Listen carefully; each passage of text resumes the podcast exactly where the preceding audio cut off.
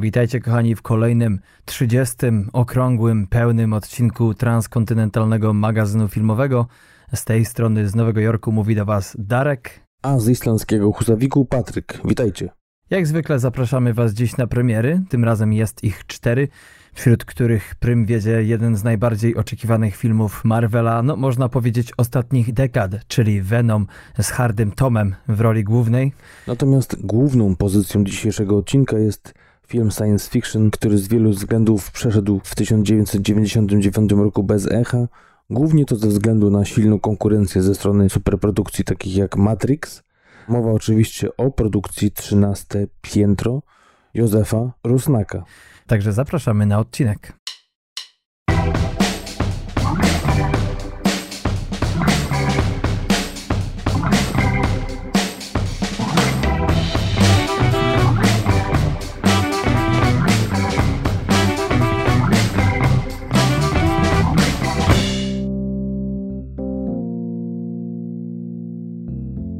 No i znów jesteśmy w pełnym składzie w studio, w dwóch różnych studiach, w czasie, który jest dość ciekawy z kilku powodów. Przede wszystkim Claire niedawno pobił rekord, jeśli chodzi o zarobki kinowe podczas weekendu otwarcia w polskich kinach, chociaż miliona nie przekroczył. Miliona oczywiście um, widzów. Po drugie, dziś na Netflixie wyszła zapowiedź pierwszego polskiego, polsko-amerykańskiego serialu stacji Netflix pod tytułem 1983. Patryku, jak ty się odnajdujesz w tej nowej rzeczywistości? No, muszę ci powiedzieć, że słuchałem ostatnio jednej z zaprzyjaźnionych z nami audycji i ponoć nawet u bookmacherów można było obstawić, czy właśnie Claire wygra i pobije rekord e, chyba 50 twarzy Greya z tego co kojarzę. Tak, tak, tak. I tak jak mówisz, faktycznie popił, także ktoś tam pewnie zarobił, jak obstawił, tak? Mhm. No na Twitterze w ogóle była jakaś taka, może nie wojenka, ale wybuchy radości a propos tego, że Claire pobije rekord Patryka Wegi. I tak się zastanawiałem, o jaki film chodzi, bo chyba nie Botox, bo ten może swoje zarobił, ale nie jest y, to aż tak blisko wyniku Kleru, który zaliczył najlepszy chyba bodajże od 30 lat, względem oczywiście inflacji, debiut w polskim kinie. No festiwal w Gdyni, to co się tam działo, wiesz, historie typu e, odbieranie czy, czy nieprzydzielanie nagrody za najdłuższe oklaski i tego typu rzeczy przez Radio Gdańska a propos.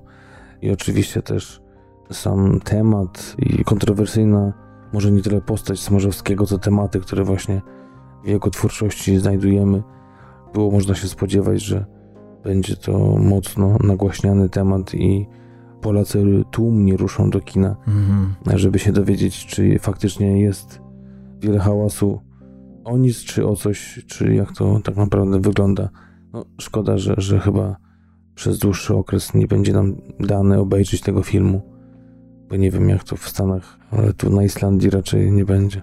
Zapomnij, no ja tylko liczę, że pokażą tutaj zimną wojnę, bo skoro już oficjalnie jest to potwierdzone, że jest to nasz oficjalny kandydat do wyścigu Oscarowego, to będą musieli pokazać ten film tutaj w kinach. Może sobie to wynagrodzę niepowodzenie letnie. No właśnie tak teraz sobie przypominam, że też mnie ominął ten film. Pamiętam, rozmawialiśmy przed y, przerwą naszą wakacyjną, że spróbujemy się wybrać nawet chyba gdzieś tam w marzeniach, można nawet powiedzieć, były wypad wspólny na ten film, mhm. no ale nie udało nam się, nie wiem jak to w końcu wyszło, ja byłem trzy tygodnie w domu, w natłoku tych obowiązków i zadań, które zawsze czekają na, na, na mnie przy przyjeździe do domu, no wypadło mi to z głowy. Coś nam te, powiem ci, wspólne randki nie wychodzą. Kiedyś ich tak było. Dobra, nieważne. Zjeździło się pół Polski. E, a tak pokrótce na Islandii wszystko ok? No tak, wszystko ok. Ostatnia sobota to e, pierwsze e, mocne uderzenie śniegu. Mm. Dwie, trzy godziny naprawdę nieźle sypało. Następnego dnia w niedzielę przy podróży do nieodległej zbytnio. Co to znaczy nieodległej zbytnio? Ile godzin? Przyznaj się. 100 kilometrów, mniej więcej godzina drogi stąd ode mnie z Husawiku, czyli do Akureyri. Po drodze można było już znaleźć ulepione bałwany. No proszę. Przez dzieciaki zapewne. Ale powiem Ci tak, a propos tych krótkich odległości, to jak w 2007 roku pojechałem w swoją pierwszą podróż roczną do Stanów, do stanu Iowa, to pamiętam, że jak ktoś z moich znajomych proponował, że może by się wybrać do Chicago na weekend i że to tylko 6 godzin drogi samochodem, to wszyscy od razu zadowoleni. Ja tak patrzę, 6 godzin to matko boska, nie? A tam to żadna odległość, tak naprawdę. Hmm. Ja pamiętam, kiedyś poznałem dwóch kolegów z pracy pochodzenia indonezyjskiego i też kiedy zapytałem ich, gdzie mieszkają, powiedzieli, że są sąsiadami i na dalsze pytanie, co to znaczy, powiedzieli, no po prostu godzina lotu samolotem. No widzisz, perspektywa robi wszystko. Tak jest. No, to chyba tyle by było, jeśli chodzi o housekeeping. No i trzeba wspomnieć, jak zwykle, podrażnić tych, których takie tematy denerwują, ale tak jak już wspominaliśmy ostatnio, jest to jedna sposobność, żeby gdzieś się zareklamować, czyli na swoim podcaście darmowa reklama swojego podcastu, czyli zapraszamy na nasze strony na www.tmfpodcast.com to jest nasza strona domowa, gdzie mamy oczywiście opis naszych odcinków, informacje o nas, linki, trailery i dodatkowe informacje dotyczące właśnie filmów i seriali, o których opowiadamy w naszych odcinkach. Instagram i Facebook po wpisaniu TMF Podcast, pisane razem oczywiście, zobaczycie taki symbol kamerki z napisem TMF na czerwono i tam też można e, zobaczyć newsy czy filmy krótkometrażowe, które Darek skrzętnie wypatruje dla Was i dzieli się nimi przynajmniej 2-3 razy w tygodniu. Tak jest. Oprócz tego tylko krótka wzmianka, że ostatnio trochę przebudowaliśmy naszego bloga na naszej stronie www, czyli miejsce, gdzie ukazują się nasze odcinki. Mamy tam nową szatę graficzną, także zapraszamy tam serdecznie. Wygląda to troszeczkę bardziej przystojniej niż do tej pory było. No i oprócz tego oczywiście zapraszamy do zostawienia nam komentarza na apkach, na iTunesie i tak dalej. To nam pomaga być wyszukanym przez nowych słuchaczy którzy poszukują właśnie takich jak my o takiej tematyce. No i dzięki Waszemu poleceniu, zalajkowaniu i tak dalej, po prostu będzie nam łatwiej do naszych potencjalnych nowych słuchaczy dotrzeć. I jak zwykle też, co jest naturalne, ale nie zawsze o tym wspominamy, prosimy o feedback, o informacje zwrotne. Czy chcielibyście coś zmienić w naszej audycji?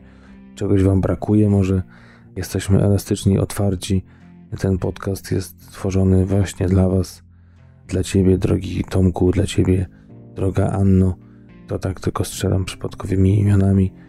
Zapraszamy do kontaktu z nami przez formularz kontaktowy na naszej stronie, czy też na Facebooku przez wysłanie wiadomości prywatnej na nasz podcast i czekamy na informacje zwrotne o filmach, które polecamy, bo może tutaj macie coś do polecenia albo podzielenie się jakimś swoim na przykład skrywanym filmem, takim osobistym, jaką na przykład był mój w pierwszym odcinku naszego podcastu.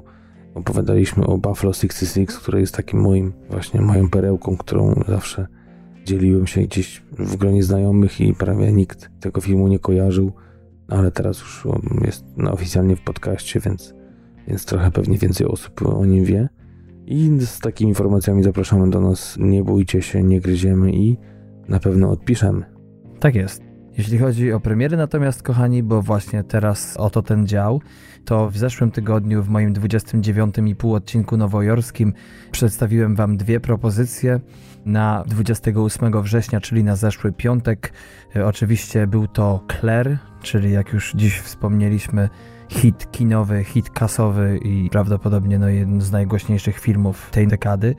A oprócz tego amerykański thriller Searching, także od 11 minuty i 8 sekundy tam sobie o tych dwóch filmach będziecie mogli posłuchać. A jeszcze tylko, jeżeli pozwolisz, Patryku, na chwilkę chciałbym jedno sprostowanie uczynić co do ostatniego odcinka. Już, już nie mówię o festiwalu wolskich filmów, ale powiedziałem przy okazji serialu Babylon Berlin, że Hindenburg to był kanclerz, ale oczywiście jak tylko nagrałem i zmontowałem, to od razu strzeliłem sobie liściem w twarz, bo oczywiście to nie był kanclerz, tylko to był prezydent Republiki Weimarskiej. Tak mi po nocach się śniło i musiałem się wyprostować tutaj.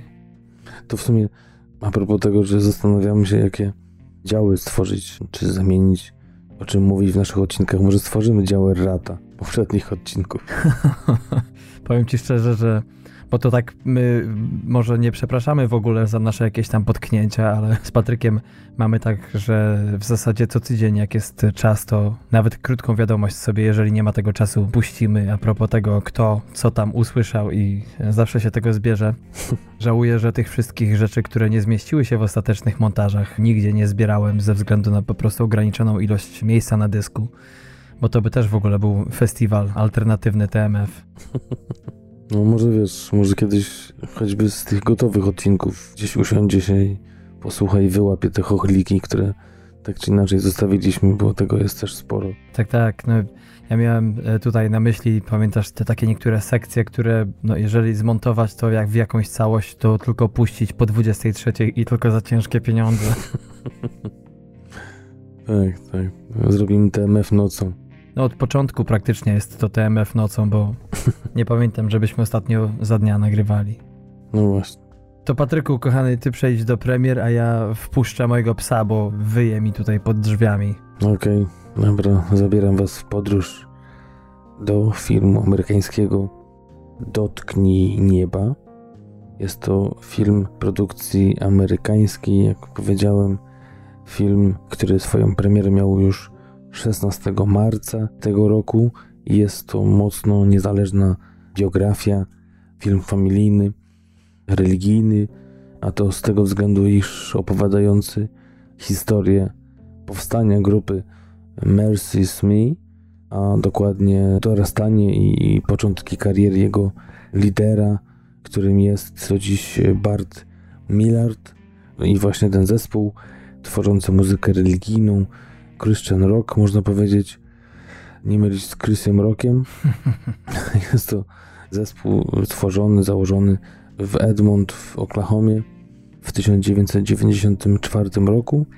I właśnie nasz film opowiada o, tak jak wspomniałem, e, Millerze, który wychowuje się bez matki, e, jest skonfliktowany z, despotycznym ojcem i szuka pocieszenia w muzyce, w modlitwie oraz świecie wyobraźni i tak przechodzimy przez kolejne fazy jego dorastania, jego życia, gdzie najpierw e, zaczyna próbę e, zrobienia kariery sportowej.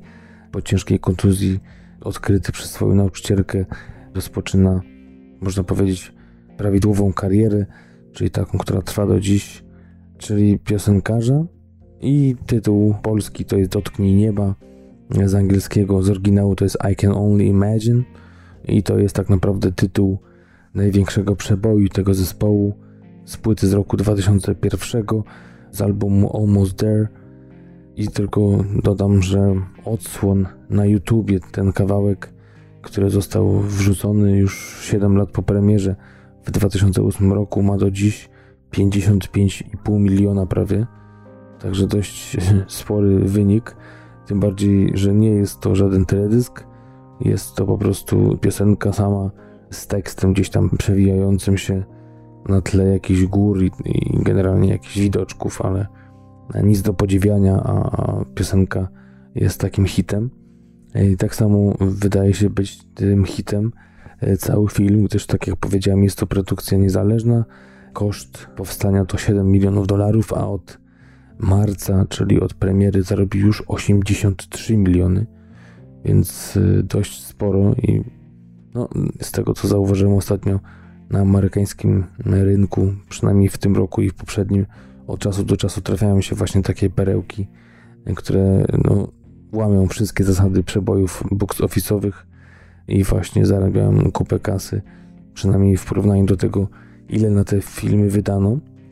I tutaj mamy twórców tego filmu w postaci dwóch bliźniaków, Andrew i Johna Erwinów, którzy są znani z takich filmów jak Woodlawn z 2015 roku, October Baby z 2011 oraz Mom's Night Out z 2014, a scenariusz to praca wspólna, oczywiście na podstawie biografii Barta Millarda, scenariusz autorstwa Johna Erwina i Brenta McCorkla, który stworzył taki film jak Unconditional, gdzie był zarówno reżyserem, jak i twórcą scenariusza z 2012 roku.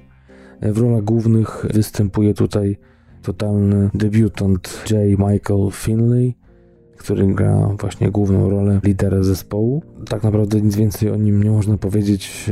Czysta karta oprócz tego filmu na IMDb. A obok niego w roli ojca występuje Dennis Quaid. Pewnie kojarzycie go z takich filmów jak Pojutrze z 2004 roku, czy też z tego samego roku w Doborowym Towarzystwie oraz Madeline Carroll, znana z takich filmów jak Dziewczyna i Chłopak, Wszystko na opak z 2010 oraz Nasza niania jest agentem z 2011 roku. Sama historia jest bardzo dobrze oceniana, sam film i właśnie w kwestii scenariuszowej, ale też jeżeli chodzi o grę aktorską i to też odbija się na ocenach, na IMDb jest to 7,4. Na Rotten Tomatoes może nie aż tak wysoka ocena krytyków, gdyż jest to 63%, ale już kinomani dają mu 91%. Film trwa godzinę i 50 minut. W pełni był nagrywany w Oklahomie, a z takiego bieżnego przyjrzenia się recenzjom, jeśli chodzi o pozytywne, to właśnie jeden z krytyków mówi, że film działa z tego samego powodu, co piosenka jest właśnie pozytywna, rozjaśnia ciemne dni i daje nadzieję na przyszłość i na to, że jest na co czekać na właśnie dobre czasy.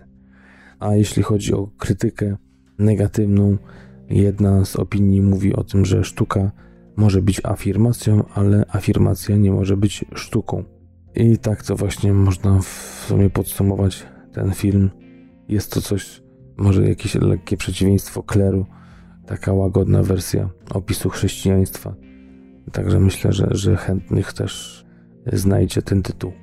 No tak patrząc na to, co mówią krytycy i na ich ocenę, bo przy tam 63% pozytywnych recenzji ocena na 10 to tylko 5,8, a widownia ocenia ten film 4,6 na 5, więc wydaje się, że może to być właśnie Guilty Christian Pleasure. No zobaczymy. Jako drugą premierę w dzisiejszym odcinku mamy polski film Nina, który był pokazany na zakończonym niedawno właśnie Gdyńskim Festiwalu Filmowym, no i zdobył on trzy nagrody łącznie, dwie nagrody specjalne jako odkrycie festiwalu i za najodważniejsze spojrzenie, a także otrzymał nagrodę Złotego Pazura w konkursie Inne Spojrzenie, dwie różne nagrody.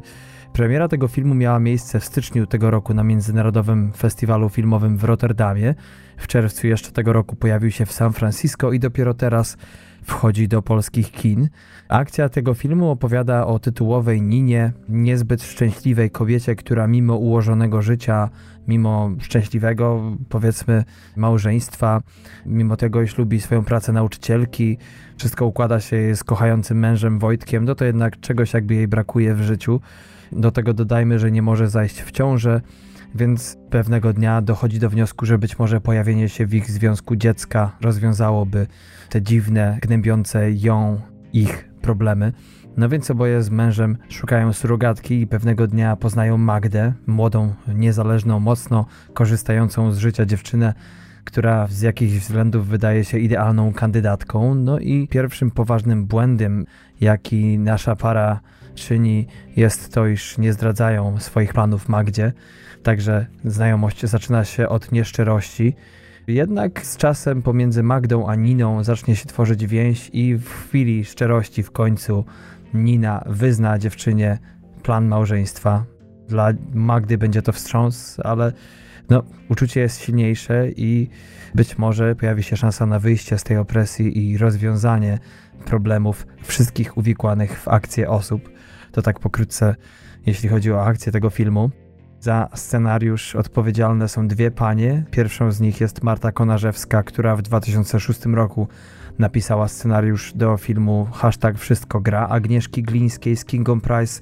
Natomiast drugą scenarzystką i reżyserką dzisiejszego filmu jest Olga Hajdas, do tej pory znana przede wszystkim z reżyserii takich seriali jak Barwy Szczęścia czy Głęboka Woda. Natomiast o czym już dzisiaj wspomniałem, w ostatni dzień listopada na Netflix wejdzie pierwszy polski serial tej stacji 1983, którego to jedną z reżyserek będzie właśnie Olga Hajdas.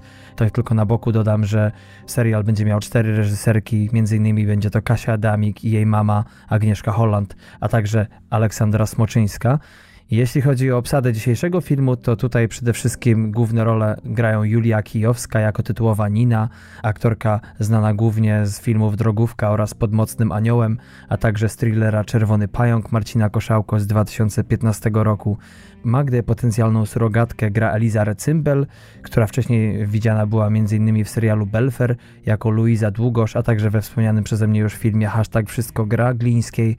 Wojtka, męża Niny natomiast gra w dzisiejszym filmie Andrzej Konopka. Aktor można powiedzieć wszędobylski, bo widziany był m.in. w serialu Znaki czy Nielegalni w tym roku, ale także w filmie Claire, czy też w jedynym do tej pory polskim filmie, który zagościł na antenie naszego podcastu. W Ataku Paniki wystąpił, gdzie zagrał szefa postaci granej przez Artura Żmijewskiego. To tak, jeśli ktoś z Was widział ten film. Natomiast całość obsady domyka Katarzyna Gniewkowska, aktorka znana z czasu honoru, czy też Maria Peszek. Muzykę do tego filmu napisał Andrzej Smolik, a czas trwania produkcji to 2 godziny i 10 minut. No właśnie, tak myślę sobie, że długi film jak na taki dramat po prostu zwykły.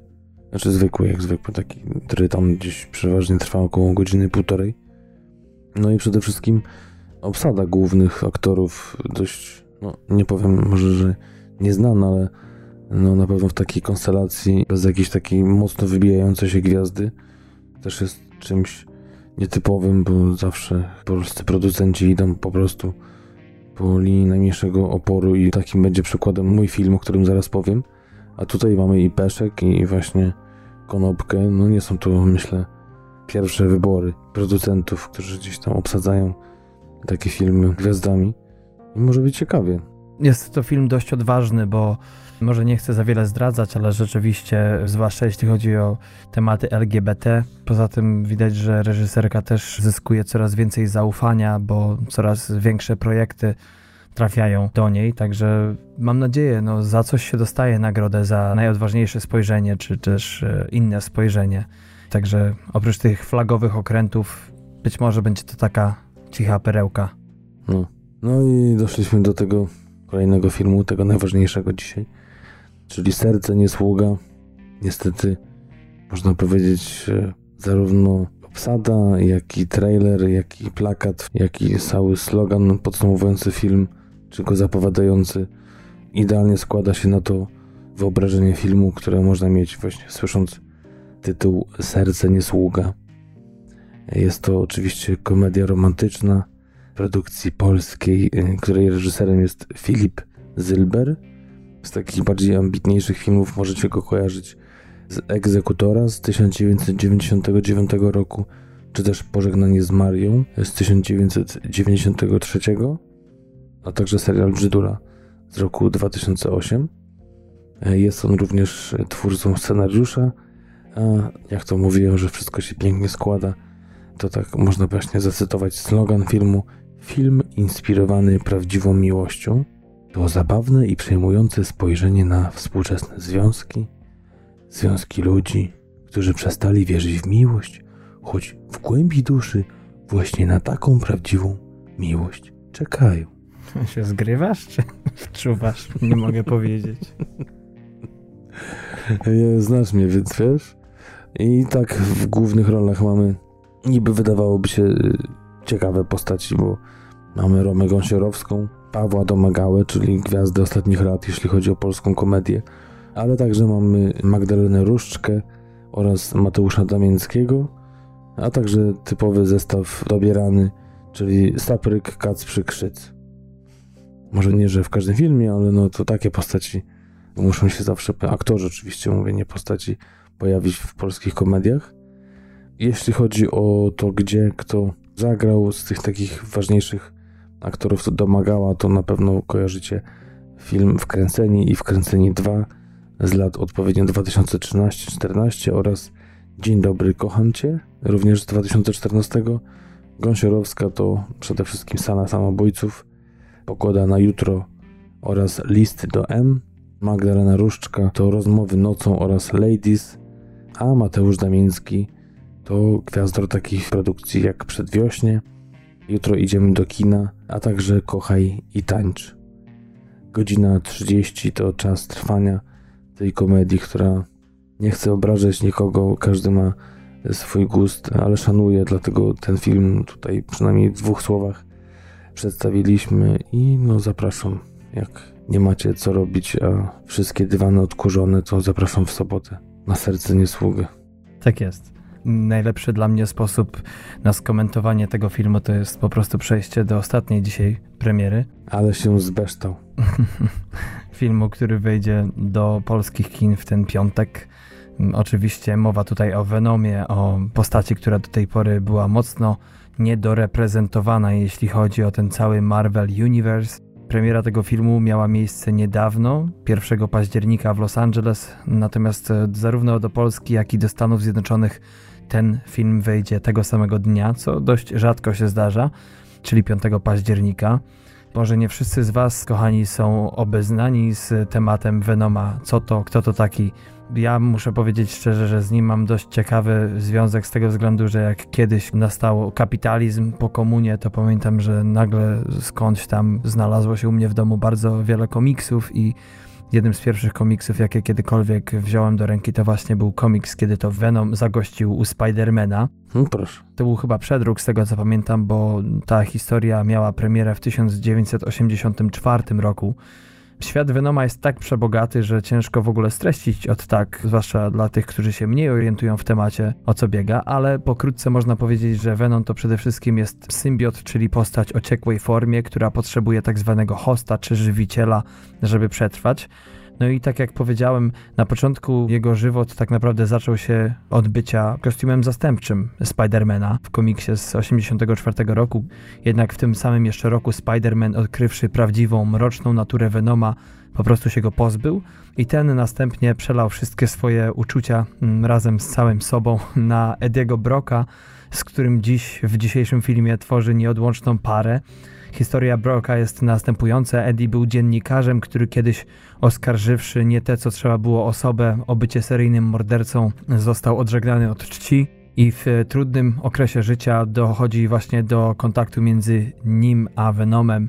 Razem stają się przede wszystkim antybohaterem do wspomnianego człowieka pająka, ale też później wielokrotnie stali się bohaterem, powiedzmy w cudzysłowie, bo będąc nim Venom po prostu decydował o tym, kto jest godny miana niewinnego. W dzisiejszym filmie poznajemy Ediego Broka, który właśnie po tej wielkiej wpadce, próbując odbudować swoją reputację, prowadzi śledztwo dotyczące Carltona Drake'a, założyciela słynnej fundacji Life, o której też mógłbym się rozgadać, ale no, wystarczy, że obejrzycie trailer.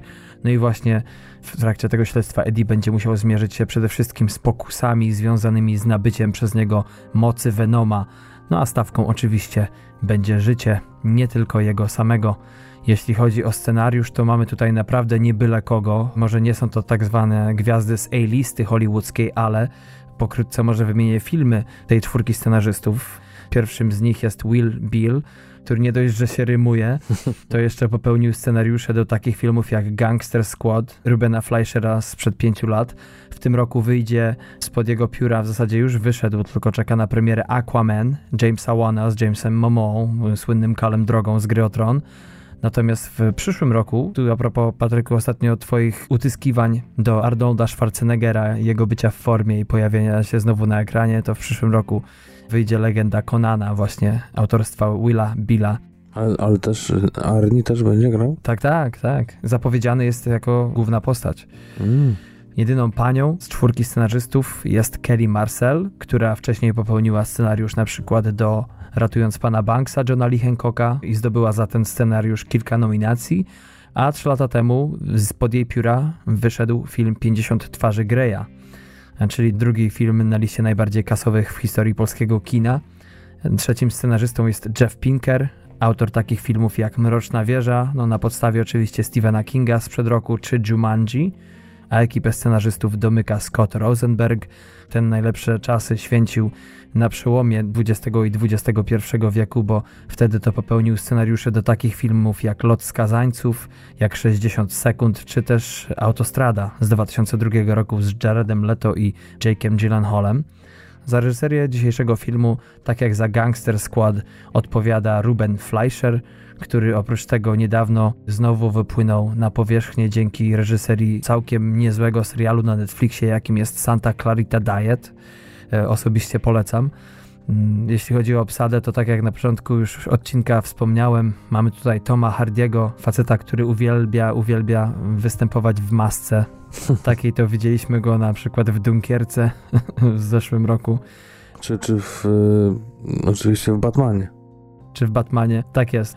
No i oczywiście także w Mad Maxie Na Drodze Gniewu w 2015 roku. W przyszłym roku wyjdzie zresztą kolejna część tego filmu, być może także w masce.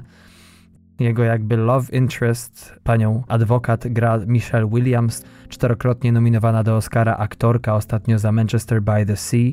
W zeszłym roku wystąpiła również w filmie nominowanym do Oscara Wszystkie pieniądze świata.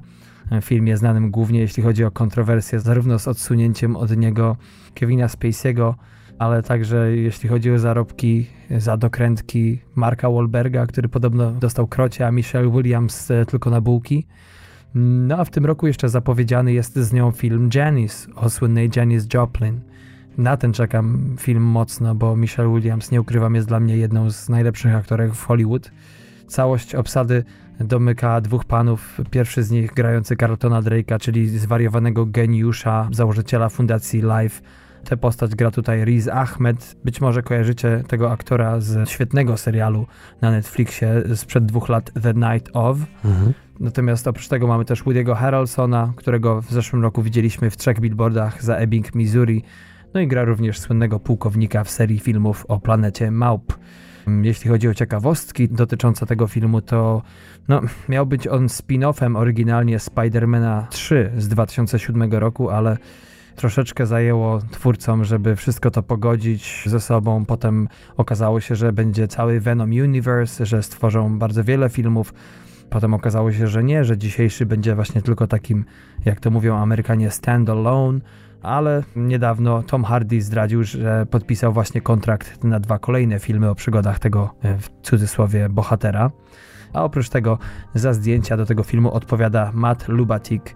E, jest to nie byle kto, bo Facet znany nie tylko z e, współpracy z Darenem Aronowskim przy takich filmach jak Requiem dla snu, Źródło, Czarny Łabędź, czy też filmu Iron Man z 2008 roku a propos jego kontaktu z filmami akcji. Natomiast niedawno mogliśmy podziwiać jego zdjęcia w filmie, o którym się mówi, że być może będzie jednym z pretendentów do Oscarów, A Star is Born. Jest to debiut Bradley'a Coopera w roli reżysera z Lady Gagą w roli głównej, a muzykę do dzisiejszego filmu popełnił Ludwig Göransson, pół Polak, pół Szwed, autor muzyki do takich filmów jak Creed 2 czy Czarna Pantera niedawno, o którym mówi się, że jest to następca Hansa Zimmera. Budżet tego filmu to 100 milionów dolarów. Producenci chwalą się, że uzyskają około 70 już w weekend otwarcia. Być może im się to uda. Ja na pewno się wybieram na ten film. Czas trwania tej produkcji to nie tak źle 112 minut. No to jak ma takie właśnie super bohaterskie filmy, to nie tak dużo z kolei. Nie wiem, czy to źle, czy dobrze, ale krótko. No, wiesz, może po prostu nie chcą zniechęcić pierwszym filmem o tym bohaterze. Lepiej, wiesz, less is more, jak to mówią. Tak jak, y, wiesz, zrobiło się przy wznowieniu Mumii, tak, która też miała być filmem, nie wiem, jeden z pięciu. No i nie zaczynaj. I teraz nie wiedzą, co zrobić dalej. No tak, wiesz, mleko się wylało, takie kontrakty podpisane, podobno. No właśnie. Nie, ja tu też y, trzymam kciuki i lecę pierwszy chyba do kina. Nawet jak była tu jakaś zamieć śnieżna, to, to polecę, bo, bo no, zapowiada się niezła gratka. I to nawet dla mnie, ja uwielbiam Hardiego, nie za bardzo to znaczy nawet nie, nie chodzi o to, że, że nie lubię tych filmów na podstawie komiksów, ale rzadko kiedy przypadają mi do gustu, ale te takie powiedzmy bardziej wykręcone, czy, czy bardziej niestandardowe jak Deadpool zapowiada się podobnie. to jest zupełnie jakby inna para kaloszy. Tak jest, no tym bardziej, że jeżeli Venom, czy ta franczyza, jeśli rzeczywiście dojdzie do kolejnych filmów, powiedzie się, to ktoś, kto zna komiksy, wie, że świat Venoma jest tak bogaty z tyloma postaciami, bo jak wspomniałem o tym symbiocie, czyli o tej postaci, która jest płynna i tak dalej, potrzebuje hosta, nie jest on jedynym bohaterem z tego uniwersu, także można by o tym gadać i gadać, ale prawdopodobnie dojdzie do tego, że co drugi dzień będziemy mieli film akcji za 10 lat w kinach. To tyle, jeśli chodzi o premiery, kochani, na 5 października. Mm, zapraszamy jeszcze raz na naszą stronę www.tmfpodcast.com. Tam w poście do dzisiejszego odcinka znajdziecie linki, odnośniki do wszystkiego, o czym dzisiaj powiedzieliśmy Wam o tych czterech filmach, czyli o Dotknij Nieba, Nina, Serce Niesługa, a także Venom. A teraz przechodzimy do filmu, który, tak jak powiedziałem Ci, Patryku, ostatnio, dla mnie jest to taka podróż bardzo sentymentalna, bo wiąże się z tym, że w momencie, kiedy ja zacząłem szkołę średnią, to potem przyszedł pierwszy PC, potem zaczęło się wymieniać płytami ze znajomymi, no i to był jeden z pierwszych filmów, jakie tak naprawdę trafił mi się i mojemu bratu w ręce i od tego filmu zaczęła się moja przygoda z oglądaniem filmów tak na dobre. Na nośniku, ale mówisz teraz o... O CD oczywiście. Aha. Jakoś ominąłem jednak kasety wideo. A widzisz, ja to miałem e, amerykański Ninja, A. czy Rambo. A nie, tak, to też, też, ale to w telewizji bardziej właśnie. Nie, nie, to właśnie miałem na wideo, jak jeszcze w telewizji nie było. No widzisz. No dzisiejszy film przede wszystkim jest filmem dość nieznanym, mimo wszystko, ale też niedocenionym przez krytykę oraz widzów. No przede wszystkim dlatego, że wyszedł w tym samym roku co Matrix, ale też świetny film Existence Cronenberga z Judem Lloyd, Jennifer Jason Lee. Powiem ci szczerze, że jak go znowu po tylu latach, po bodajże 19 latach obejrzałem, to powiem ci szczerze, że nadal ten film dla mnie działa, nadal jest poniekąd magiczny, może nie tyle magiczny, co bardzo klimatyczny, ale jest to jeden z nielicznych filmów, jeśli chodzi o tą naszą selekcję do podcastu, kiedy to zgadzam się z jego krytykami tak naprawdę. I mimo wszystko uważam, że są rzeczy, które poza tą krytyką czynią ten film wyjątkowym. No właśnie, nie wiem, czy to jest kwestia tego, że no, nigdy nie byłem jakimś wielkim fanem sci-fi i może od samego początku gdzieś nie było mi z tym po drodze, bo nawet Matrixa to gdzieś tam obejrzałem dopiero później mhm. i tego filmu w ogóle nie kojarzę. Dopiero tak naprawdę usłyszałem o nim od naszego kolegi Bartka. Zapomniałem czterech powiedzieć przed nagraniem, że kazał się pozdrowić. A. Także mm, pozdrawiamy Bartku. Ale nie tego. Ale nie tego. Bartek mi powiedział o tym filmie przy okazji tego, jak rozmawiałem z nim a propos przyszłych odcinków i tego, że, że no, zakładamy, że będzie nam ciężko znaleźć jakieś tytuły sci-fi, czy tam kina fantastycznego. Mieliśmy Dąbroczne Miasto, potem oczywiście perełeczka J.J. Abramsa Metal Rebellion. No chyba mu najlepszy. Tak, no najlepszy. Zachęcamy wrócić do odcinka z kwietnia tego roku, z początku kwietnia. No i właśnie przy okazji tej rozmowy mówił o tym filmie. Gdzieś tam pewnie z tyłu głowy kojarzyłem tytuł, ale, ale w ogóle nie ma mowy, żeby cokolwiek o fabule, czy w ogóle o jakimś kulcie, bo, bo to też można powiedzieć, że tak jak Tommy Wiseau i jego uznawany najlepszy, najgorszy film świata, który doczekał się kultu, to też czytałem i też słuchałem wywiad z reżyserem, że i 13 piętro ma swój kult ludzi, którzy do dziś się zbierają, zrzeszają i są oddanymi fanami tego filmu. No słuchaj, przede wszystkim trzeba powiedzieć, że krytyka mocno pojechała po tym filmie, tak naprawdę, przynajmniej ta krytyka, w którą do dziś jeszcze możemy się wczytać. Na IMDb jest to 7.0, na Rotten Tomatoes, jeśli chodzi o fanów, jest to ocena 3.1 na 5. Na IMDb 59 tysięcy użytkowników zagłosowało na ten film. W porównaniu do Matrixa wypada to dość blado, bo Matrix ma ponad 1 400 tysięcy głosów, prawie 1 500. Na Filmwebie tych głosów może nie jest dużo, ale też nie mało, bo 17 tysięcy i ocena 7,2. No jest to na pewno film nierewolucyjny. Za taki rzeczywiście można uznawać Matrix czy właśnie Existence nie jest wolny od wad, ale jest na tyle smakowitym, na tyle właśnie klimatycznym, że E, no i oprócz tego, jeżeli ktoś lubi klimaty nostalgiczne, powrót do lat 30., klimat noir, którego sporo w tym filmie jest. Ja ten film oglądałem dwukrotnie ostatnio, żeby wyłapać to i tamto i powiem ci, że za każdym razem czas minął mi bardzo szybko, a nie jest to film aż taki super krótki, godzinę 40 dokładnie. Tak, godzinę 40. No widzisz, tak słucham cię, jak opowiadasz o tym, jak różni się ocena tego filmu do Matrixa, mhm. czy do tego kolejnego dzieła. Spisałem sobie nawet daty premier tych poszczególnych filmów mhm. i wypadało tak, że, że Matrix to był 24 marca 1999 roku. Film, o którym dzisiaj mówimy, czyli 13 piętro, to jest 16 kwiecień mhm. tegoż samego roku i mniej więcej gdzieś w połowie też w kwietniu ten film, o którym mówiłeś, tam chyba też Jude Law grał, tak? Tak, tak, Existence. Tak, mm, no i teraz jak widzę chyba ci zaskoczę, bo mówisz o tej, o tym, że nie jest wolny od wad, mówisz o, o porównaniu z Matrixem, że nie jest tak oryginalny, mhm. a przecież może wiesz, może nie wiesz o tym, że oba te filmy są oparte na tej samej noweli z 1964 roku Daniela Galoya pod tytułem Simulacron 3 i co najważniejsze 13 piętro zostało sfilmowane i generalnie stworzone wcześniej niż Matrix. Mhm. W jednym z wywiadów reżyser podkreśla to, jak smutną historią jest właśnie historia powstania, czy raczej premiery tego filmu, gdyż przez to, że miał mocno ograniczony budżet, mhm. E, nieporównywalny do tego, co mieli e, na tamte czasy bracia Wachowscy, jeszcze bracia wtedy, którzy no, według niego mieli około 90 milionów, z tego co czytałem na IMDB to było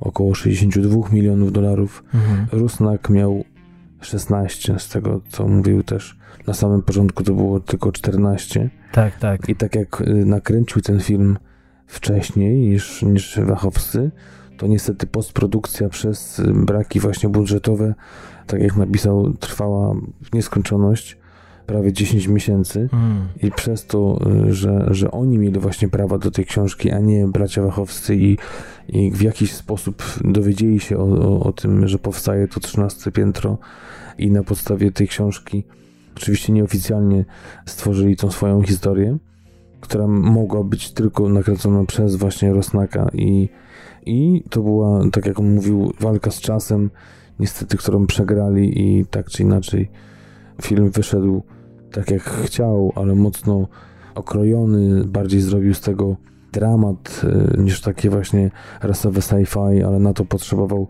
od 35 do 50 milionów, na co oczywiście studio pukało się w głowę, powiedzieli, że jesteś tutaj pierwszakiem, mhm. tak go nazwali, you're the first timer, nie ma mowy, żebyś na taki film dostał takie duże pieniądze i skończyło się jak skończyło. Ciekawe, że raz wszyscy ci krytycy, którzy jechali po tym filmie, chyba raczej nie czytali tej wypowiedzi reżysera, chyba że ona się ukazała jakoś jeszcze później. Natomiast to jest ciekawe, co mówisz, bo nigdy nie brakowało mi w nim, patrząc na efekt końcowy efektów specjalnych wygenerowanych przez komputer, dlatego że po prostu jest to tak osadzone. Trochę mi przypomina e, pierwszy film Braci Wachowskich, pamiętasz, o którym e, już wspomnieliśmy. Mowa oczywiście o brudnych pieniądzach. Tutaj klimatycznie bardzo, ale to bardzo podobnie mi się kilkukrotnie robiło, zwłaszcza jeśli chodzi o stylistykę gry aktorskiej. Rzeczywiście ten film przeszedł przez niemałe piekło.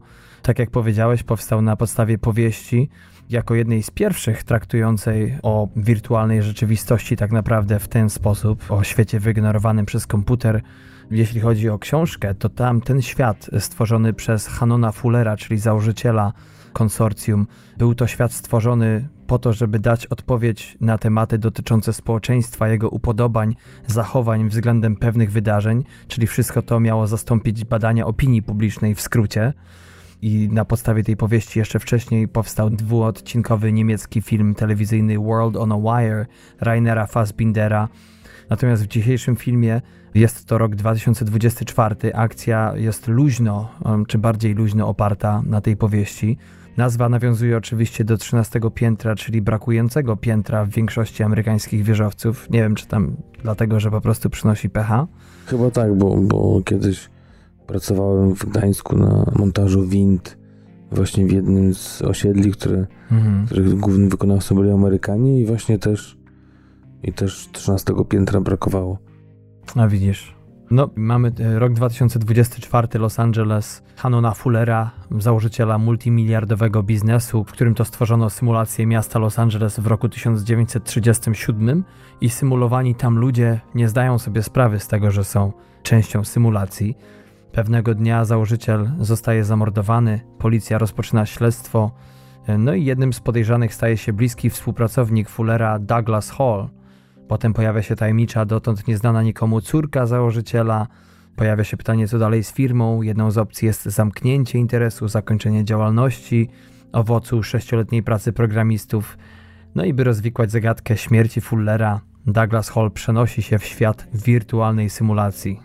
Tak, też y, otrzymuję informację, że tam właśnie Fuller przekazał mu wiadomość, na podstawie której może się dowiedzieć, co się stało a przynajmniej to, co chciał mu przekazać jego raz szef, a dwa przyjaciel i oddany kompan właśnie przez te lata współtworzenia firmy. I właśnie jeszcze tylko na chwilę wrócę do, do tego, co mówiłeś o, o tej dwuodcinkowej serii Fassbindera. Też właśnie w tym samym wywiadzie mówił reżyser e, właśnie o tej produkcji, że on był zupełnie inny, że to była bardziej krytyka Niemiec, mocno film polityczny, i bardzo mało było tej wirtualnej rzeczywistości, ale też się właśnie odnosi pozytywnie, jeśli chodzi o właśnie ten dwuodcinkowy, jak powiedziałeś, film telewizyjny. No ale wracając do naszego dzieła dzisiejszego, które no tak samo jak Dark City, czyli Mroczne Miasto, również które wyszło w podobnym czasie, było to chyba rok wcześniej tylko. No, też myślę, takim klimatem blisko jest temu filmowi. No zaskakuje, zaskakuje i myślę, że akurat to, że ten budżet został troszeczkę zmniejszony, czy nie było takich środków, jakie reżyser chciał, to przez to ten film bardziej stał się ponadczasowy, gdyż może, wiesz, napchanie jakimiś sprzed 19 lat efektami specjalnymi tego filmu wydawałoby się może teraz bardziej śmieszne, wiesz, slapstickowe, nie wiadomo jakie to byłyby efekty, a tak to mamy więcej tego dramatu, więcej takiej historii ludzkiej. Coś nawet w stylu też szósty zmysł, coś mi się też w tym stylu kojarzy i przez to może mniej, czy raczej inaczej, lepiej się zastarzał, jakby łagodniej. No na pewno, gdyby dodać kilka milionów dolarów do budżetu produkcyjnego i kilka efektów więcej, czy w ogóle efektów, bo ten film ma bardzo mało tak naprawdę efektów. Mhm. Ja naliczyłem dokładnie jeden. Nie mówiąc oczywiście o zdjęciach wizualnych. i tak dalej, tak, o wizualnych, ale takich komputerowych, mhm. to tutaj za bardzo nie ma, no ale lepiej zrobić to właśnie bardziej minimalistycznie niż y, w stylu powiedzmy tej brytyjskiej produkcji o Dywizjonie 303 ostatnio. Tak mhm. fatalnie to wszystko wyglądało, jakby to po prostu studenci z bardzo małym budżetem i starym komputerem wzięli się za renderowanie czegoś. Mhm. Tutaj dodam tylko jeszcze, że w, jeśli chodzi o powieść, na podstawie której powstał dzisiejszy film, miała jeszcze jednego bohatera, Mortona Lyncha, który także był bliskim współpracownikiem Hanona Fullera i który również zaginął w książce w tajemniczy sposób, no ale tutaj wyeliminowali tę osobę. No proszę. A też jeszcze wracając do tego już w tym odcinku sławnego wywiadu z reżyserem, mhm. mówił tam o porównaniu do Matrixa i uważa, że, że jego film ma większy wpływ jednak na rozwój sci-fi niż Matrix, że głębiej wchodzi w relacje ludzkie, mhm. w to, o co tak naprawdę chodzi w kinie fantastycznym, czyli to, żeby przez tą fantastykę pokazać jakieś wewnętrzne rozterki, czy jakieś takie fantazje ludzkie, niż, mhm. niż właśnie to, żeby pokazywać, nie wiem, jakieś latające spotki, czy hologramy mówiące, a jest to jakby zawsze odzwierciedlenie czegoś innego, czegoś, co dzieje się w człowieku, w, nie wiem, w środku. Zresztą sam aktor, który występował w tym filmie i którego, no, że nie znoszę, to może za dużo powiedziane, ale na pewno nie jest to ktoś, kogo lubię. jeśli chodzi o stronę aktorską, czyli Vincent D'Onofrio. On powiedział, że dla niego to nie jest e, opowieść sci-fi, dla niego to jest e, opowieść o tym, o czym ludzie marzą, że marzą o tym, czego nie mogą mieć, a jak do czegoś w końcu dojdą, to okazuje się, że to nie jest to, co myśleli. No widzisz.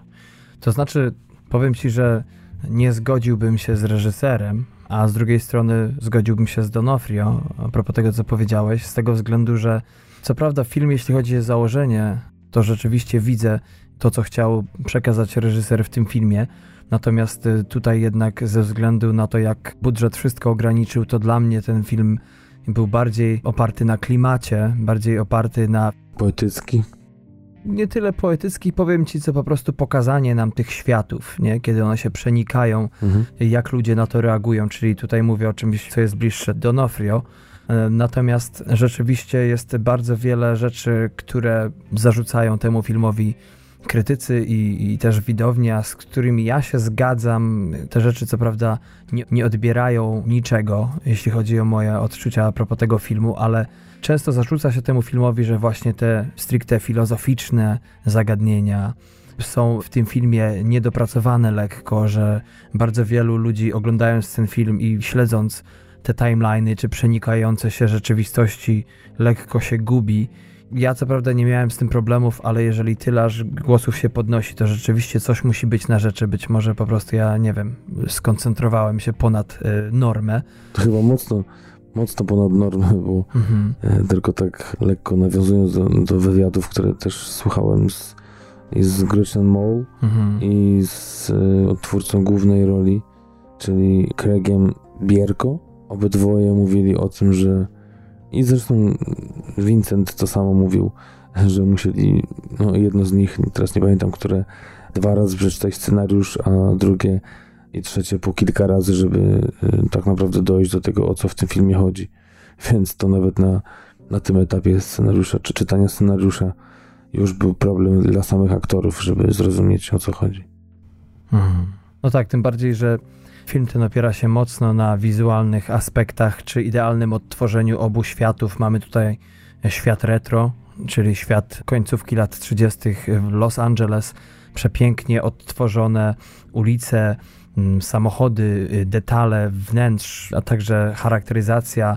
Tu nawet pamiętam takie ciekawe zdanie pada z ust y, bodajże właśnie naszego głównego bohatera dzisiejszego filmu, czyli Douglasa Holla, granego przez wspomnianego przez ciebie Bierko, pytany y, przez Vincenta Donofrio, który w tym filmie gra Whitneya, czyli programistę, można powiedzieć jednego z głównych, jeżeli nie głównego architekta tego świata wirtualnego. Mhm. Na pytanie Whitneya, jak wygląda ten świat w wirtualnej rzeczywistości, Douglas Hall odpowiada, że super, tylko kolory niedopracowane. a to było dla mnie właśnie jednym z największych atutów tego świata odtworzonego. A z drugiej strony to, co pozwala mi zapomnieć o niektórych mankamentach, nawet aktorskich, o czym jeszcze wspomnę, to Los Angeles z roku 2000. No nie 24 tak w zasadzie, bo do tego roku dochodzimy w tym filmie. Może tutaj sprostuję lekko, że nie wszystko dzieje się w 2024 roku. Natomiast ten świat, w którym dzieje się większość, powiedzmy, tu i teraz, to jest przede wszystkim, nie wiem czy zauważyłeś, tam non-stop pada deszcz. Jest bardzo mało światła w porównaniu do Los Angeles z lat 30., gdzie głównie tam akcja dzieje się za dnia. Tutaj są to wnętrza, akcent noir, który jest dodatkowo jeszcze potęgowany przez osobę policjanta prowadzącego śledztwa, czyli Larego McBaina, granego przez Denisa Heisberta. Mi najbardziej podobało się to, że nie było tak jak na przykład teraz w serialu Westworld, że masz mhm ten wytworzony świat, tych robotów, które zapraszają, czy może inaczej, do którego świata zapraszani są bogaci ludzie rządni rozrywki i tam bawią się kosztem tych robotów, którzy uważają, że są mhm. prawdziwi i naturalni. Potem wiadomo, że, że, że ten serial tak się rozwija, że, że te roboty, tak zwana sztuczna inteligencja zaczyna działać i mm, odgrywają się na panu, tak? Odgrywają się dokładnie. Tutaj jest to, że, że to jest po prostu tak jakby faktycznie inny świat. Mhm. Wszyscy tak samo żyją, jak jakby żyli w innym świecie. Nie ma w ogóle sztuczności, nawet jest to tak stworzone, że jeżeli, tak jak tam mówi jedna z postaci, jeżeli tam jesteś, to po prostu tam żyjesz i nie ma, że, że jest jakiś komputer, czy widać jakąś sztuczność. Jedna taka tylko scena jest, pamiętam, w jednym z tych światów, kiedy jeden z główniejszych bohaterów, nie będę mówił, który mówi takiej, można powiedzieć, postaci z, ze świata wyżej, zrób jedną przysługę mi, jak już wrócisz, to zostawcie nas po prostu w spokoju. Tak, tak. To, co wspomniałeś, jest jednym z koronnych argumentów Nika Bostroma. To jest e, bodajże szwedzki, jeżeli dobrze pamiętam, naukowiec, filozof, który znany jest z tego, że stworzył bardzo wiele hipotez a propos właśnie wirtualnej rzeczywistości i Jedna z jego hipotez mówi, że jest całkiem możliwe, iż sami żyjemy w symulacji, ale jednym z największych problemów na stwierdzenie tego jest to, iż uczestnicy wydarzeń nie dostają żadnego sygnału, żadnej wskazówki, że coś jest nie tak. Nie ma tak zwanych glitchów, czyli wiesz, przeskoków, nie? nic się nie powtarza. Jak w Matrixie te déjà vu. Takie... Tak, tak, tak. Dokładnie, czy multiplikuje. Mhm. No i w rzeczywistości, w której żyjemy my, ludzie, tak jak te postaci w Los Angeles w latach 30., odkrywamy nowe możliwości fizyczno-chemiczne świata, ale dowodów na to, że jesteśmy w symulacji póki co, no jednak nie jest e, za wiele, chociaż są też tacy, którzy twierdzą wręcz przeciwnie. Natomiast e, w tym filmie akurat to odkrycie tej prawdy jest jednym z najlepszych rozwiązań a propos tego filmu. No być może w tym filmie nie jest to do końca, czasami aż może się prosi o więcej, żeby to było troszeczkę y, bardziej rozbudowane. Natomiast y, to zderzenie się, mogę tylko sobie wyobrazić, co czuje człowiek, który dowiaduje się, że wszystko to, co wokół niego się dzieje, to jest po prostu jedno wielkie kłamstwo. No i to jest jednym z motorów napędowych całej akcji, drugiej zwłaszcza części filmu. Tak samo jak, wiesz, jak można porównać to do łowcy androidów. Tak, tak, tak. No mówię, wirtualna rzeczywistość to nie jest nowy koncept, jeśli chodzi o ten dzisiejszy film czy Matrix. Tak jak powiedzieliśmy, był ten World on a Wire, była przecież oryginalna wersja Westworld z 73 także roku. Tak. Był także western 4 lata później, Welcome to Blood City. Jeszcze wcześniej przecież serial Strefa Mroku to jeszcze wcześniejsza produkcja, którą niedawno zacząłem odkrywać na Netflixie. Ten serial zaczął być kręcony w 1959 roku i, i też traktuje o podobnych zagadnieniach. Zresztą, jeśli chodzi o samo myślenie a propos wirtualnej rzeczywistości, czy tego, że my jesteśmy tylko powiedzmy w tej szklanej kuli produktem czegoś większego, no to jest tak stary jak religia, że ktoś właśnie zarządza nami, naszym losem, mając na nas wszechmocny wpływ. I nie chodzi tylko i wyłącznie o Boga. No właśnie, mm, tak naprawdę jedyny zarzut, jaki ja mam do filmu oprócz... Donofrio. Donofrio. To ja nie, nie wiem, no nic naszego chyba w każdej roli swojej. Chociaż powiedz mi, nie miałeś, zapytam cię tutaj, nie miałeś jednak takich momentów, bo ja też miałem wiele zarzutów a propos aktorzenia czy zagrywania się tutaj zbytniego, jeśli chodzi o ten film, ale były momenty jednak dla mnie, gdzie e, zwłaszcza grając postać w świecie rzeczywistym, powiedzmy w cudzysłowie, dawał jednak radę, ale mnie ostatnio uraczył strasznie w serialu Daredevil, grając tam Wilsona Fiska, zupełnie zmieniony aktor grający Kingpina, tam elektryzował mnie aż, ale no rzeczywiście w tym filmie to jest kilka takich, mhm. kilka razy powinien dostać z liścia za to, co wyczynia. Wiesz, on nawet jak ma takie malutkie rulki, nie wiem, filmie Sędzia z Downey Juniorem. Mhm. Niby taka malutka rulka, fajnie by można było to gdzieś podegrać, to nawet tam się jak szmat zagra i nie wiadomo, tu się uniesie, tam się napije. Hmm. E. To nie brzmi ładnie, przepraszamy, ale prawda jest taka jest. No. Dziwi mnie to, że ten główny bohater, czyli Craig Bierko, że on zbytnie nie zrobił kariery. Mhm. Nie kojarzę go, nie wiem, z tego co widziałem, w jaki filmach grał, to powinienem go kojarzyć, czy Człowiek Ringu, czy Długi Pocałunek na Dobranoc, ale no, czy straszny film 4. Las Vegas Parano też y, widziałem, że ma, ale nie wiem. Ktoś napisał, powiem ci, jeden z recenzentów a propos Bierko, że on nie został zapamiętany przez tą rolę, ponieważ nic, ale to nic e, sobą nie prezentuje w tym filmie, że tak naprawdę miał kilka możliwości scenariuszowych, żeby tę postać gdzieś poprowadzić, a gra po prostu tak nijako. Nie wiem, ja się z tym kompletnie nie zgadzam. Mam kilka może zarzutów co do niego, ale uważam, że facet i przystojny jak na tak zwanego leading mana i utalentowany też, zwłaszcza jednak te różnice wygrywane przez niego kiedy to wciela się w postać zwykłego bankiera w latach 30. w Los Angeles. No i kiedy wraca właśnie do rzeczywistości jako współzałożyciel firmy Douglas Hall, jednak no, wydaje mi się, że scenariusz nie daje mu większej możliwości a propos odgrywania czegoś epickiego. Uważam, że gdyby zagrywał się mocniej, to wyszedłby drugi Vincent D'Onofrio z jego um, upodobaniem do przeszarżowywania. No właśnie, dlatego mnie to dziwi. No, chłop ma już 54 lata. W sumie no jeszcze w sile wieku. Może coś zagra, zresztą widać, że sporo gra.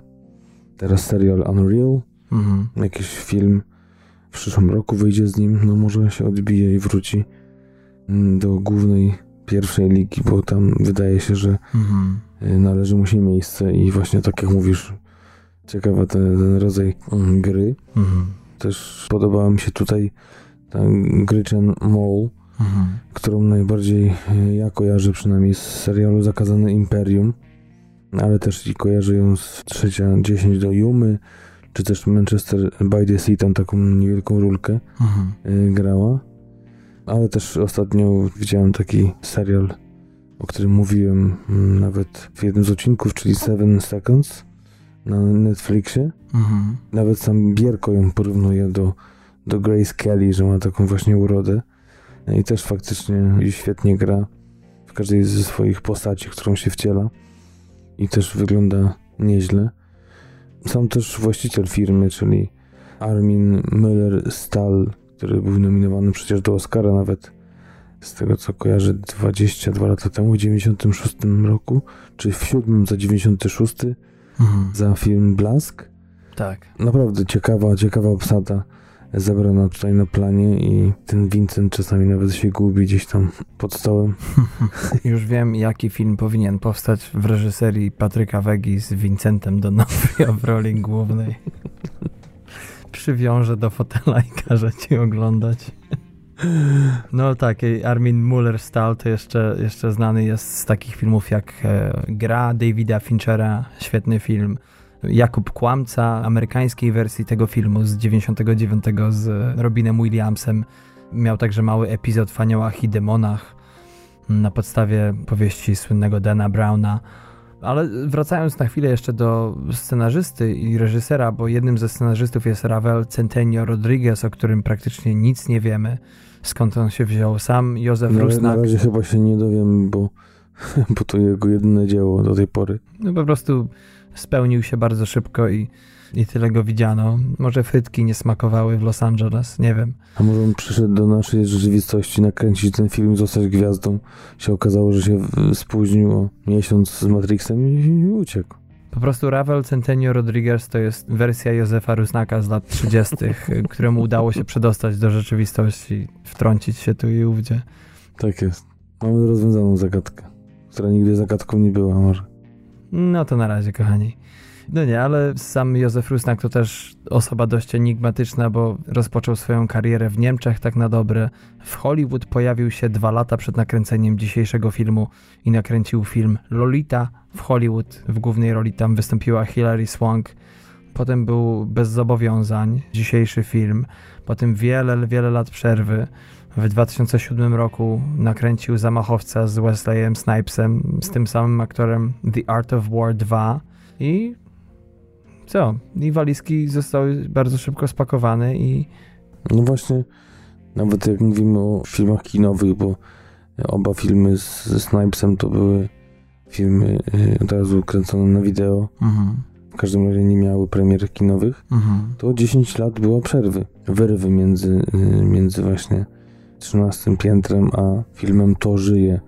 Więc nie wiadomo, czy reżyser tak się załamał tą porażką z Wachowskimi, czy, czy co, ale w każdym razie nic w tym czasie ani nie napisał, ani nie nakręcił, nie wiem, gdzieś przepadł. Tak jest. Tak naprawdę jednym z głównych też sprawców dzisiejszego filmu jest Roland Emmerich, czyli człowiek odpowiedzialny przede wszystkim za obie części Dnia Niepodległości, za Gwiezdne Wrota z 94 roku, za Godzilla z 98, także Patriotę czy filmu Anonymous i jego firma produkcyjna miała przeważający głos, jeśli chodzi właśnie o ten, tak jak wspomniałeś, kształt filmu. Dotyczyło to głównie oczywiście jeżeli nie wiadomo czego, to pieniędzy. No i jeszcze trzeba muzykę zaliczyć tutaj na wielki plus tego filmu. No tak. Zanim zapomnimy o wszystkim, bo Harald Kloser to pan, dla którego dzisiejszy film był drugim filmem, do którego napisał muzykę. No i tak się spodobała jego twórczość producentowi, że Emmerich zaczął go potem zatrudniać do praktycznie każdej swojej produkcji, którą wyreżyserował czy wyprodukował. Czy to i to. Tak, i też ciekawe utwory były i nawet zaskoczył mnie końcowy, który był zaraz jak się zaczęły napisy The Cardigans. Tak, tak, tak. Tutaj w tym momencie dopiero do mnie wróciły te lata młodzieńcze. A powiedz mi tak, mówimy o plusach, o minusach. Jedną z kości niezgody między powiedzmy mniejszą grupą fanów tego filmu, a większą jest końcówka tego filmu. Bo niektórzy twierdzą, że to nie jest tak naprawdę nic innego jak wpisanie się w tą płaszczyznę filozoficzną tego filmu. I film ten kończy się dość niespodziewanie i tak naprawdę u jednych widzów powoduje bardziej zagwostkę pozytywną, a u drugich, a u drugich wręcz denerwuje i, i wprawia w gniew, dlaczego tak reżyser postanowił sobie zadrwić z widza i po prostu spakować manatki na koniec i, i wynieść się w cudzysłowie. Powiem tak, e, raz to, co można powiedzieć, nie podobało mi się pod koniec, to to, że e, moim zdaniem, jeżeli puenta jest taka, jaka jest w tym filmie i dalej nic nie będzie, to, to samo rozwiązanie i ten taki ostateczny twist był jednak lekko za szybko. Mhm. I, I gdzieś tam to rozwiązanie, które można było się spodziewać na samym końcu, z tą taką narastającą muzyką, to, to już nie robiło wrażenia niestety. A dwa, wracamy do niezwykle krótkiej wypowiedzi, która została już cytowana u nas kilkukrotnie, e, jeśli chodzi o właśnie wywiad z reżyserem. Był to 2009 rok, kiedy ten wywiad e, z nim przeprowadzono przy okazji właśnie tego kolejnego, czy jak, jakby to powiedzieć, następnego kinowego filmu To żyje przy okazji premiery tego filmu był ten wywiad i tam właśnie raz, że opłakiwał dalej 13 piętro, a dwa powiedział o tym, że pracuje ciężko nad y, sequelem i uważał, że nie wiem, może lepiej to przetłumaczyć, bo dla mnie co ciekawie brzmi po angielsku which will literally blow people's lids off. po prostu wieko zerwie ze słoika. Także y, powiedział, że pójdzie w stronę, w którą ludzie się zupełnie nie spodziewają, mhm. zupełnie nieoczywistą, tylko że powiedział, że zajmie mu to troszeczkę więcej czasu, więc no, trzymam mhm. go za słowo. Y, to było wypowiedziane prawie równo 9 lat temu, że jednak y, faktycznie się tego trzyma i, i dojdzie do drugiej części tego filmu. I tam dopiero y, jakby. Pokaże wszystkim. Dokładnie. Tak, no ja tylko zacytuję klasyka i powiem Józefowi Don't threaten me with a good time. Mam nadzieję, że jego odgrażanie się nie pójdzie na marne. A powiedz mi, masz jeszcze jakieś ukryte wiadomości, ciekawostki a propos tego filmu, o których ja nic nie wiem? Czy możemy powolutku przejść do podsumowania dzisiejszej propozycji? Nie, nie, nie, nie, nie przypominam sobie, co miałem jeszcze dodać. Chyba się wystrzelałem, także... Mhm. No w razie co, to dopiszemy w poście do odcinka, jakby coś było naprawdę takiego pominiętego, co warto było jeszcze uwagi. tak. Zrobisz erratę w swoim półodcinku. O, albo tak. No to ja tylko jeszcze dodam, że przy budżecie 16-milionowym film ten zarobił na siebie. Tu akurat trzeba mu to przyznać. Zarobił około 18,5 miliona, czyli 2,5 bańki do przodu. Czas trwania 100 minut, ja temu filmowi dam 12 na 15, przede wszystkim za klimat, dzięki któremu pozwolił mi przez te godzinę i 40 minut jego trwania zapomnieć o niedostatkach, wbić wzrok w ekran, przenieść się w czasy, które dla mnie są bardzo nostalgicznymi i za to też, że paradoksalnie po jego seansie miałem ochotę na jeszcze, na e, wiele bardziej kompleksową akcję, rozbudowaną, ale mimo wszystko czas ten, mimo niedostatków tego filmu dla mnie był zupełnie ale to zupełnie nie zmarnowane, a wręcz przeciwnie. Szczerze mówiąc, ja muszę dodać to, że do tego filmu podchodziłem jak do jeża, jak kiedyś do Memento, które no, powoli mhm. zaczynam dojrzewać, że jest jednym z najlepszych filmów, jaki widziałem. a bałem się tego tytułu, bałem się, że to będzie jakiś film może religijny, jakiś taki przynudny, no ale jakby zupełnie rzeczywistość była inna. Tutaj no, ten film miałem polecony przez wspomnianego już wcześniej Bartka i muszę powiedzieć, że tak raz, drugi, trzeci próbowałem zasiąść i nie udawało mi się przejść pierwszych 15-20 minut, mhm. ale jak w końcu teraz jak się zdecydowaliśmy, że faktycznie robimy coś z gatunku fantastyki i trzeba ten film obejrzeć, żeby stwierdzić, czy, czy faktycznie nam dwóm się będzie podobał, czy no, ty, ty mówiłeś, że go, że go znasz, ja go nie znałem, no to teraz y, już wiem, że warto było i trochę żałuję, że tyle mi zeszło, żeby go obejrzeć. A, a propos, że pytałeś mnie, czy chciałbym coś dodać, to mam już coś. Przypomniało mi się. Mhm. Także mogę się ratować jeszcze tutaj. Czyli to, że apartament Douglasa Hola, czyli głównego bohatera, to jest dokładnie ten sam apartament, z którego korzystał detektyw Descartes, czyli łowca androidów w 1982 roku. Tak jest, tylko dywany inne. Wypłowiałe bardziej. Tak, ząb czasu zrobił swoje. A ocena końcowa według ciebie? Mm, ocena końcowa dla mnie to 12,5 na 15. Zawsze musisz przebić. Tak, ale dałbym więcej z, z racji tego, że był świetny i wydawało się, że będzie idealny do końca. Ale potem właśnie był ten twist na końcu trochę za szybko. Do tego jeszcze Vincent się przewijał. Mhm. Dlatego ta ocena trochę niższa. Ale i tak świetne kino, świetna zabawa, świetne pole do zastanowienia się y, nad sobą, właśnie nad naszym istnieniem dla osób, które lubią odpłynąć w taki właśnie klimat egzystencjalny i pomyśleć o tym, jakby to było, jakby faktycznie nasz może świat byłby też jakimś wymyślonym. I to, że faktycznie taka perełeczka się trafia i gdzieś tam z czasów Matrixa, jak się okazuje jeszcze, że, że tak naprawdę powstało wcześniej, to była to pozycja, której nie mogliśmy pominąć. Tak jest. No i to chyba by było na tyle, jeśli chodzi o dzisiejszy film. Kochani, jeszcze raz przypominamy, omawialiśmy film pod tytułem 13 piętro, film science fiction w reżyserii Józefa Rusnaka, produkcja Roland Emmerich, który to film powstał w 1999 roku, tak jak Patryk przed chwilą powiedział, w cieniu Matrixa, przed cieniem, a potem i już w cieniu na długo, długo. Zapraszamy do postu z dzisiejszym odcinkiem. Oczywiście zapraszamy na naszą stronę www.tmfpodcast.com do wcześniejszych odcinków, jeśli nie mieliście jeszcze okazji przesłuchać na przykład naszego ostatniego, w którym to mówiłem o filmie Spike Lee Black Klansman, e, a także o świetnym serialu Babylon Berlin, który chyba twoja żona teraz wrzuca na tapet, co? Razem, razem, razem. A proszę. Jesteśmy już na szóstym odcinku.